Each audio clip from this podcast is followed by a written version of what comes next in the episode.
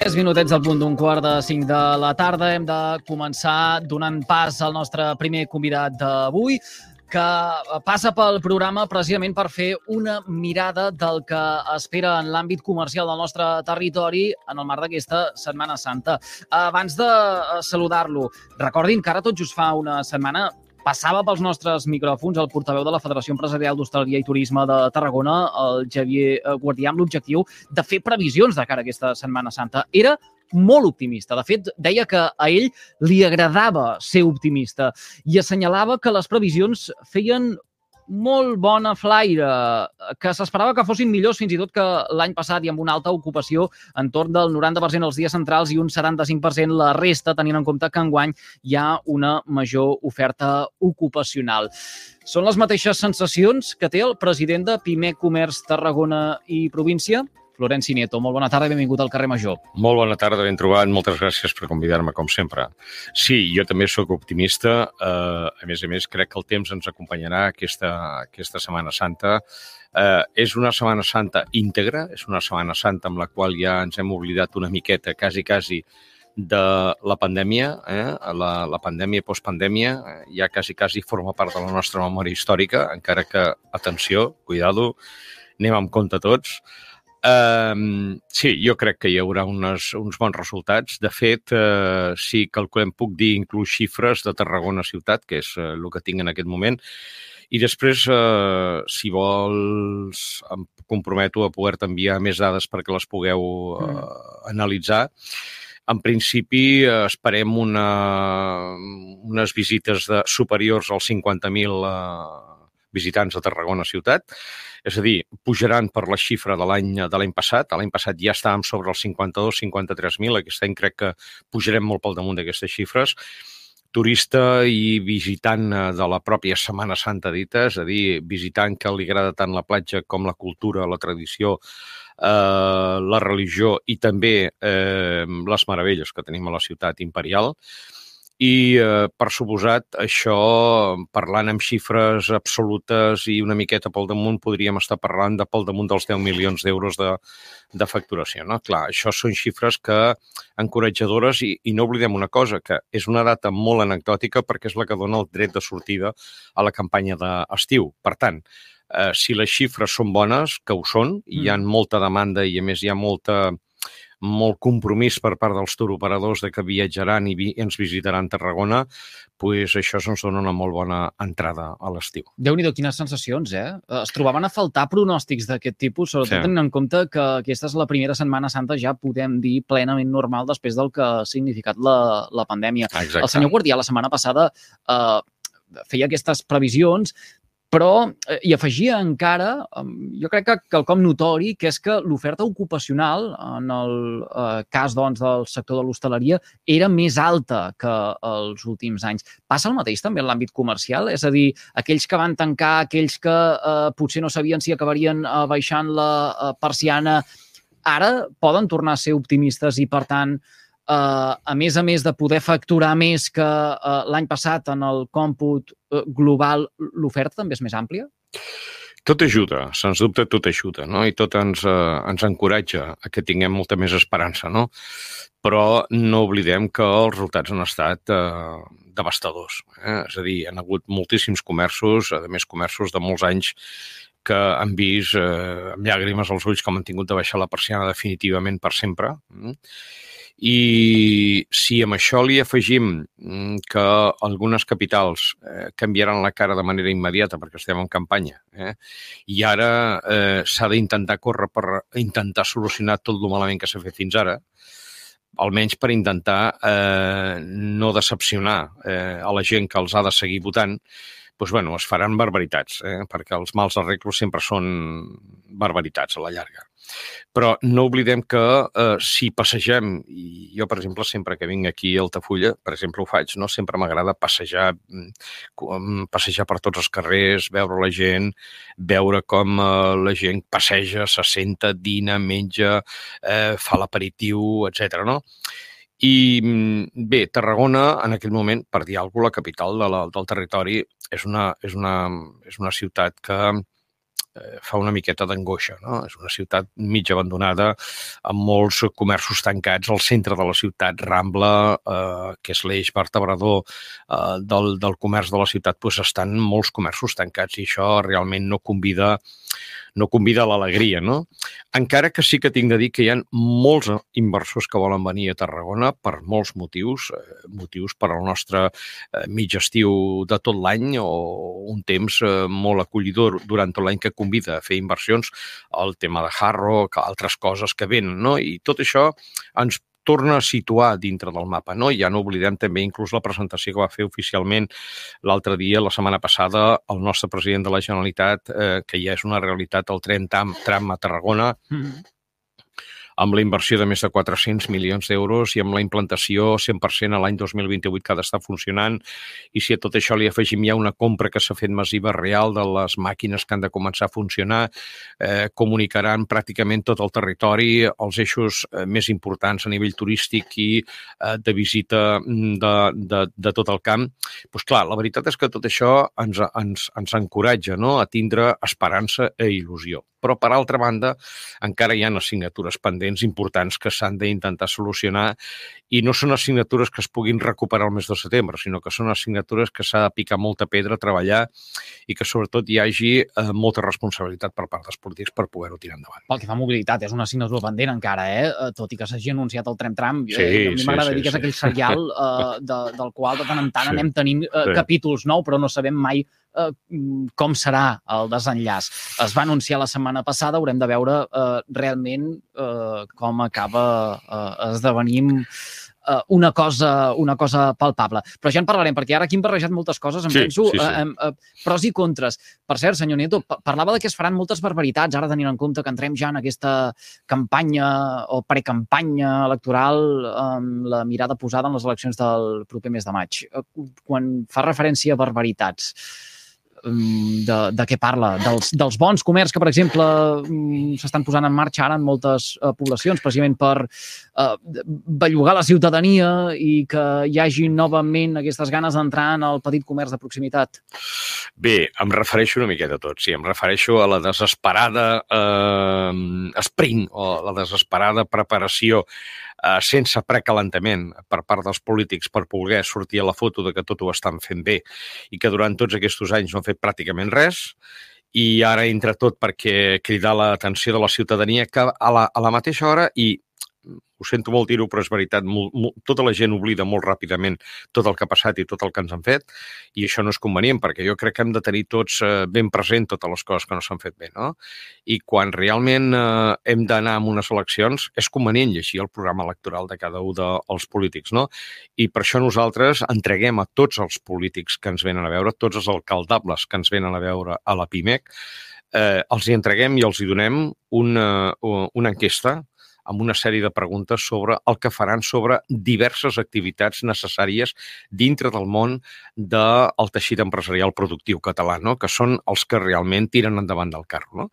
I clar, eh, si això una vegada ho donguem, ens ho omplen, que ho dubto, i alguns ens ho envien, que seran pocs, eh, nosaltres recordarem durant aquests quatre anys de mandat tot el que ens han dit i que no s'està complint, perquè és que jo crec que ja arriba el moment de que hem de dir prou i que no tot és vàlid dintre de la política. Per tant, hem de començar a dignificar amb aquells polítics que ho donen tot i que es comprometen per una ciutat que els hi dona els vots a canvi de una estabilitat i una progressió dintre de cada una de les ciutats en benefici dels seus habitants, no amb el seu benefici propi, sinó en el de nosaltres. No? I, per tant, és convenient anar recordant tot el que es promet i que no es fa. Això crec que és convenient. Quan parla de Tarragona, en aquest àmbit, eh, el seu discurs s'assembla molt al que precisament en aquest programa feia ara fa uns quants mesos la presidenta de la Cambra de Comerç de Tarragona, la senyora Laura Roger. Què cal fer, però, per canviar aquesta dinàmica o aquesta deriva, segons vostès, a la que es troba el sector eh, del petit comerç de la ciutat de Tarragona? Hem vist, per exemple, com eh, aquest eh, mandat, precisament, eh, s'han peatonalitzat eh, trams de carrers, com, per exemple, eh, Canyelles. Eh, cal anar en aquesta direcció, però què, què més o com es reverteix aquesta, aquesta situació? Bé, eh, és una molt bona pregunta i jo li agraeixo. Eh, en primer lloc, eh, jo no diré res del que hagi dit la senyora Laura Roger, presidenta de la Càmera de Comerç de Tarragona, en primer lloc perquè la Càmera de Comerç és un lobby empresarial que es deu exclusivament als seus socis, però res més. Eh? Vull dir, eh, I una de les coses que crec que la Càmera de Comerç tindria de fer és el mateix que fan les altres càmeres de comerç del territori, no? és anar agafat de les institucions oficials, com per exemple els eh, agents socials, que som nosaltres, per poder eh, volcar-se i col·laborar en benefici de la ciutat eh? no el voler tenir protagonisme propi, etc, sinó anar sempre en benefici del teixit empresarial de la ciutat que bona falta fa. No? En segon lloc, jo el que diria eh, és que mm, Tarragona, capital, segona capital més important, segon territori més important de Catalunya, on hem demostrat eh, que es pot conviure perfectíssimament el sector petroquímic amb el turisme, eh, i amb la tradició històrica i amb el nostre eh, mil·lenari, mil, més de mil·lenària història, eh, jo, i donant lliçons a molts, a, a molts altres territoris de tota Catalunya i d'Espanya, jo crec que el primer que tindríem de fer és implantar d'una vegada per totes el eh, pla d'usos. És a dir, una segona capital més important de Catalunya, senyors, encara no té un pla d'usos. No hi ha un pla d'usos, no hi ha les normes, les instruccions de, cohabilit, de cohabilitat eh, habitatge i d'instruccions eh, per poder-se obrir empreses o comerços que estiguin realment ben ubicats en cada un dels diferents carrers i que no hi hagi un overbooking de la mateixa matèria en cada un dels diferents eh, carrers de Tarragona perquè mm, no hi ha una llei específica que ho determini. Però, a part d'això, podríem parlar com a pla d'usos i d'aquí que pengessin els diferents plans estratègics de ciutat, perquè llavors estarien, serien consistents, forts i podrien realment eh, poder treure pit no? O, per exemple, implantar d'una vegada per totes l'eix vertebrador de la, del, del comerç de la ciutat de Tarragona, que encara no existeix. Uns diuen que és la Rambla, uns altres diuen que és el que va des del carrer Major fins al port, eh, al Serrallo, uns altres diuen que no s'ha de perdre la illa Corsini, que és també un lloc molt important a tindre en compte que connecti amb, el, amb, el, amb, la, amb, la, amb el amb la zona estratègica de comerç de la ciutat. Per què no també parlar de la plaça dels, eh, de la plaça dels Vents, eh, que connecta la part baixa de la Rambla, Rambla Nova amb la, part, amb la Rambla, Rambla Nova del balcó del Mediterrani que va fins a la catedral? És a dir, hi ha una disbauxa. No hi ha una, un reconeixement real dit per una autoritat municipal, que és la que ens governa i és la que ha de mm, dir-nos a tots com, eh, com hem de conviure entre tots els ciutadans i quines són les normes de conducta conducta per part de cada un, tant a teixit a nivell, a nivell associatiu, empresarial, productiu, com a nivell de ciutadania. No? I les entitats que hi diuen aquí? Mm, ara fa uns quants dies era notícia precisament la Via T per la uh, dimissió del seu màxim uh, responsable per uh, unes decisions que en el seu uh, moment va prendre sense consultar amb els uh, comerciants associats. Mm, bé, jo crec que a vegades el voler fer coses eh, mm, possiblement eh, mm, bueno, eh, prenem algunes decisions que no són les més apropiades i jo amb el senyor Salva Minguella, que me l'estim moltíssim que és una persona entranyable, mm, extraordinària, que a més a més és un professional i una persona que s'estima molt el comerç de la ciutat de Tarragona, jo penso que amb l'Assemblea General potser, potser hi ha un, no sé, una miqueta mm, de recolzament per part de tots els socis o es fa marxa enrere o ja ho veurem, no? Però en definitiva, la Via és el, és la, el teixit associatiu per excel·lència de Tarragona on estan eh, pues, tots els comerços més emblemàtics de la ciutat i, evidentment, està associat amb nosaltres, forma part del nostre núcleo dur de eh, governabilitat de la comissió o del Consell de Comerç de Pimec Tarragona i, per tant, eh, nosaltres totes les coses que fem a nivell no solament de Tarragona, sinó a nivell d'altres poblacions del territori, eh, pues ho fem sempre consensuant amb cada una de les diferents associacions municipals, associacions de comerç de cada un dels diferents municipis del territori. No? I en aquest sentit, la Viater col·labora molt amb l'Ajuntament, col·labora molt amb el comerç de la ciutat, col·labora molt amb nosaltres, nosaltres col·laborem amb ells amb tot el que necessiten i, bueno, m'agradaria mmm, Hombre, jo no puc dir res perquè no som membre de la, de la Via T, no? però sí que m'agradaria d'alguna manera pues, que la Via T, mm, no sé exactament com farà el tema del senyor Salam Minguella, però a vegades ja dic, no? A veure, eh, si estem mirant de creuar un riu i no el creuem mai, no ens mullarem.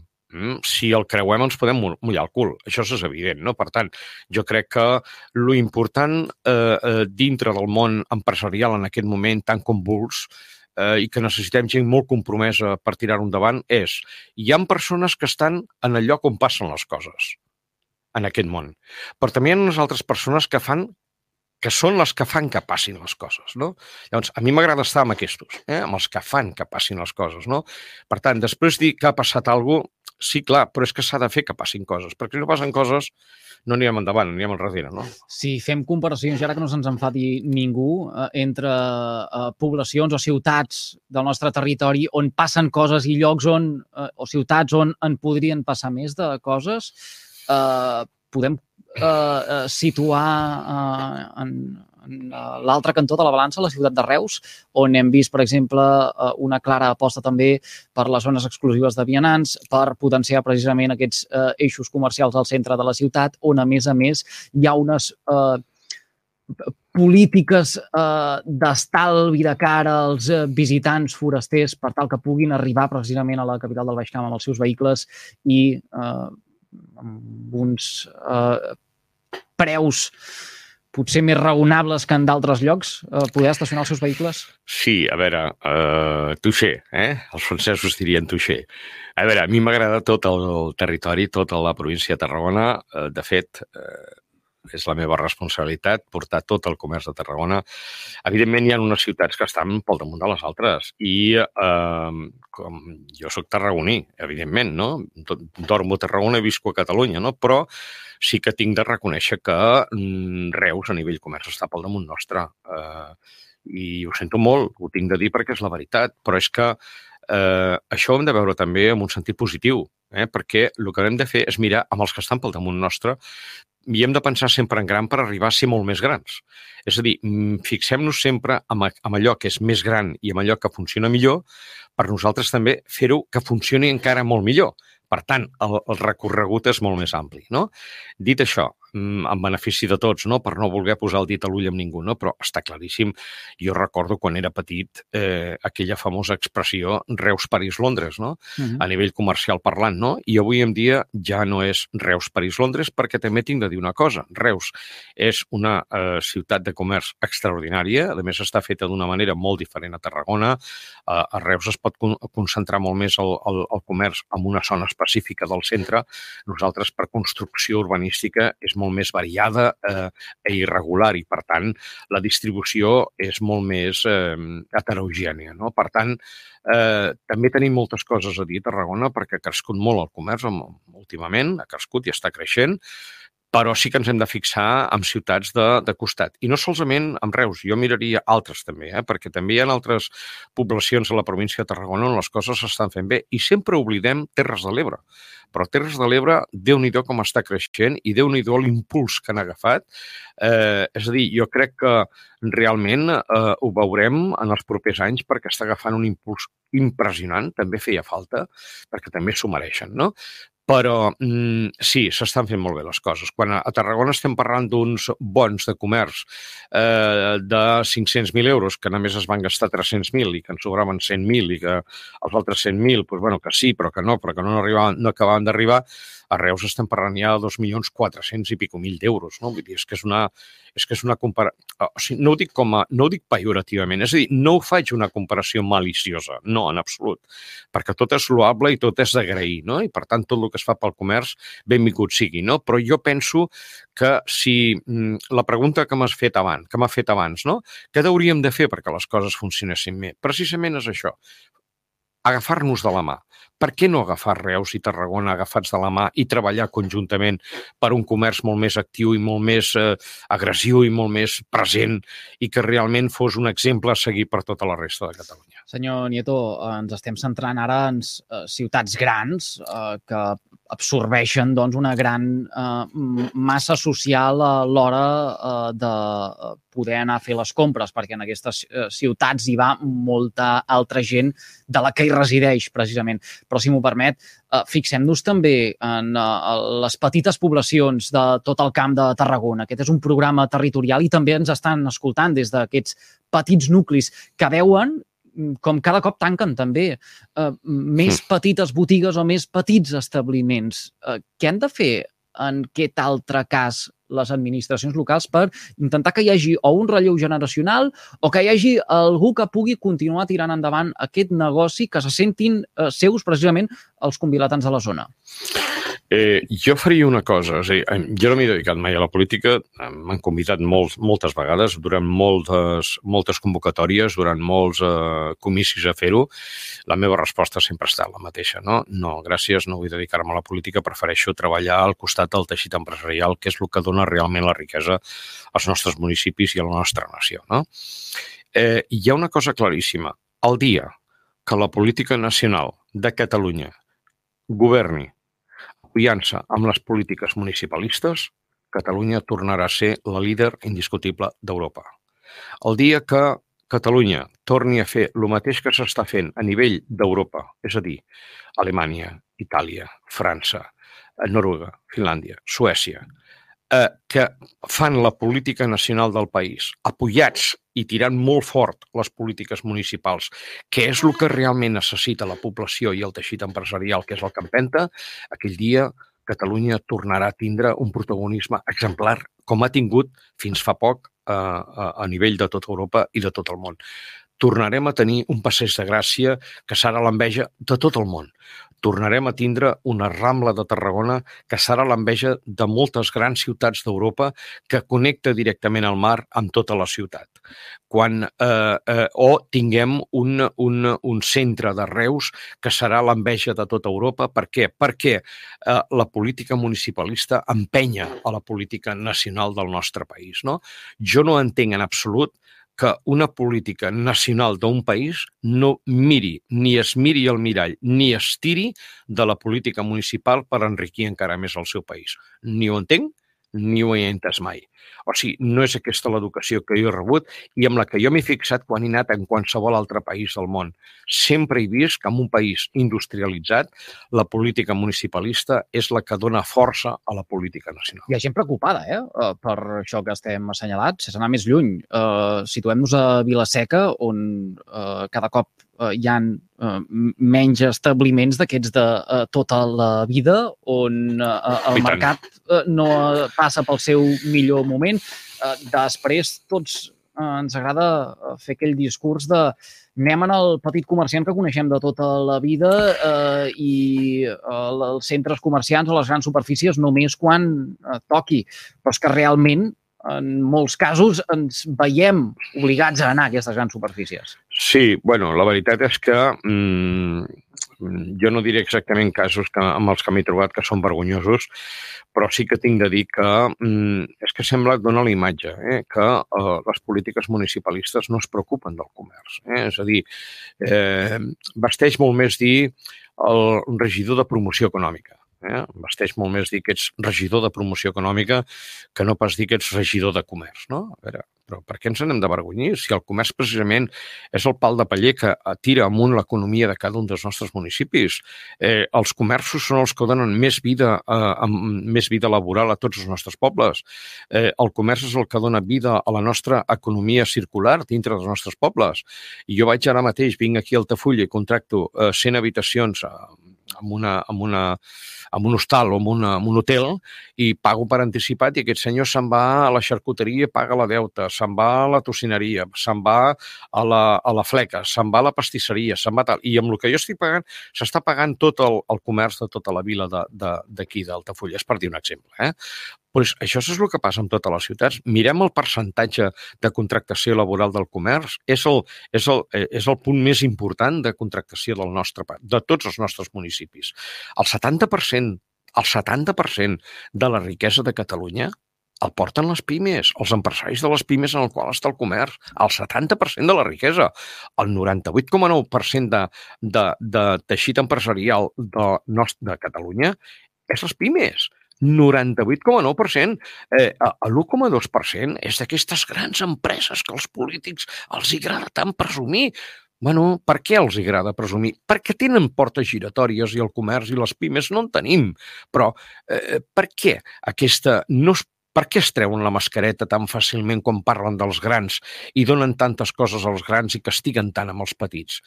Per què aquests impostos que ens estan massacrant amb els petits i aquestes, eh, aquestes exencions d'impostos i impostos tan baixos que per facturació baixen els tipus d'impostos amb els grans? Bé, és la gran pregunta que mai sabrem. Nosaltres hem intentat fer mal. Eh, eh, hem anat a Brussel·les i hem demanat que ningú que, que no tingui tots els seus eh, pagaments al dia de les grans empreses puguin agafar ni un sol euro dels Next Generation, fons Next Generation. I ho hem aconseguit. I ara venen els inspectors. Hi haurà inspeccions. És que no es pot massacrar el comerç perquè és la nostra vida, és la nostra qualitat de vida, és el nostre ADN de Catalunya. Més de mil anys d'història ens, estan, eh, eh, ens estan donant la confiança en tot el nostre territori i, i ha de seguir sent així. El repte serà molt gran de cara al proper uh, mandat per tot el que estem assenyalant a la majoria de poblacions. Uh, ja per acabar, senyor Nieto, uh, el repte encara serà més gran donat l'increment de preus generalitzats uh, que estem abocats. Miri, jo li diria una cosa. Un gran, un gran percentatge, per no dir mm, una brutalitat de, amb petits comerços de tota Catalunya, de tots els pobles, els més castigats eh, per les polítiques municipalistes i polítiques nacionals, eh, estan mantenint com poden els preus, eh, sense pujar gaire, excepte lo justificable, per tal de no castigar amb els seus usuaris i amb els seus clients eh, perquè realment nosaltres, eh, eh, inclús vostè, a partir d'ara, eh, quan vagi a comprar eh, productes amb una, amb una gran superfície, que hi anirà per manca de temps segurament algun dia, vostè mirarà el primer que mirem tots, la data de caducitat vagi a un comerç de proximitat. No en té de dates de caducitat, perquè és el producte excel·lència, és la màxima qualitat eh, amb un preu molt raonable i molt ajustat. És allò que tots volem donar als nostres fills, no? Vull dir, això no podem canviar-ho. I és el que ens dona la confiança. A, a tots els, a les persones oients eh, d'aquest programa, que és fantàstic, perquè el rato que he estat aquí he vist com el tenen organitzat i és una passada, eh, jo li diré, a part de la meva felicitació més efusiva, gràcies perquè realment donen la veu al comerç a través de les xarxes, jo li diré una cosa, amb tota honestitat. Eh, el comerç, els oients, recordin les llistes dels comerços quan anaven els nostres avantpassats i li deien Maria, avui no li puc pagar, que m'ho pot apuntar a la llista? I la senyora Maria del, del, del comerç li apuntava a la llista i aquella senyora anava a pagar-li quan volia. Això, recordem algú de nosaltres que ho faci un gran comerç. Algú de nosaltres ens plantegem anar a un gran comerç sense dir noms i dir «Ep, m'he deixat la cartera, ja vindré després».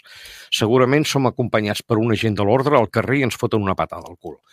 El comerç de proximitat això no ho fa. Segur que si ens hem deixat la cartera, algun comerç de proximitat, si ens ha vist alguna vegada, ens dirà no et preocupis, ja tornaràs i em pagaràs.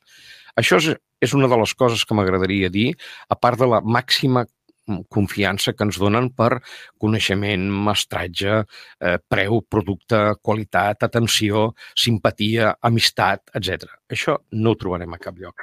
I això sembla ser que se li ha de recordar constantment amb els nostres polítics municipalistes que, com vostè ha dit i jo mm, em reafermo, solament van a veure els comerços quan s'apropen les eleccions.